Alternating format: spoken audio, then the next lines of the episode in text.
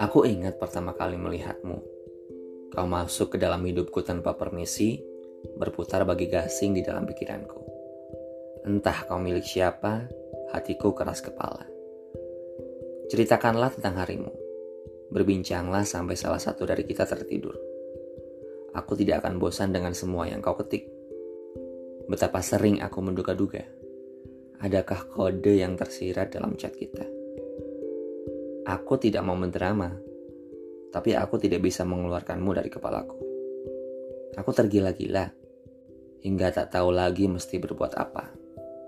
Ini semacam hasrat purba yang lebih tua dari manusia. Jika kau percaya akan jodoh, mungkin ini adalah contohnya.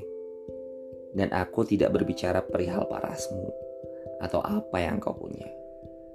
Ada sesuatu tentangmu yang membuatku merasa baik-baik saja. Entah apa. Kau selalu mampu membuatku jujur mengenai segala hal, kecuali satu, perasaanku. Andai saja aku mampu memberitahumu, tapi aku terlalu takut akan reaksimu yang tidak sesuai dengan imajinasiku selama ini. Bukankah fiksi lebih indah dibandingkan kenyataan? Bukankah kita adalah dua orang yang terlanjur menikmati berkubang dalam zona pertemanan?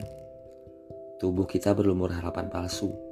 Tanganku menggapai-gapai mencari jalan keluar sementara tanganmu mencegah aku ke mana-mana.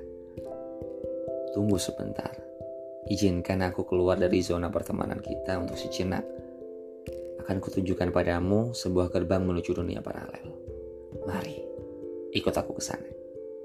Di dunia paralel, aku tidak perlu lagi repot-repot menyatakan apa pun. Kau akan setuju untuk bersanding denganku tanpa perlu ada serentetan peristiwa yang membuat kita semakin pelik.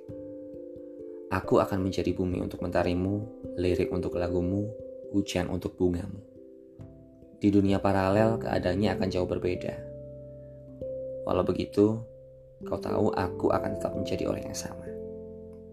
Yang merindukanmu dengan sederhana, mengejarmu dengan wajar, menyayangimu dengan luar biasa, dan menyakitimu dengan mustahil.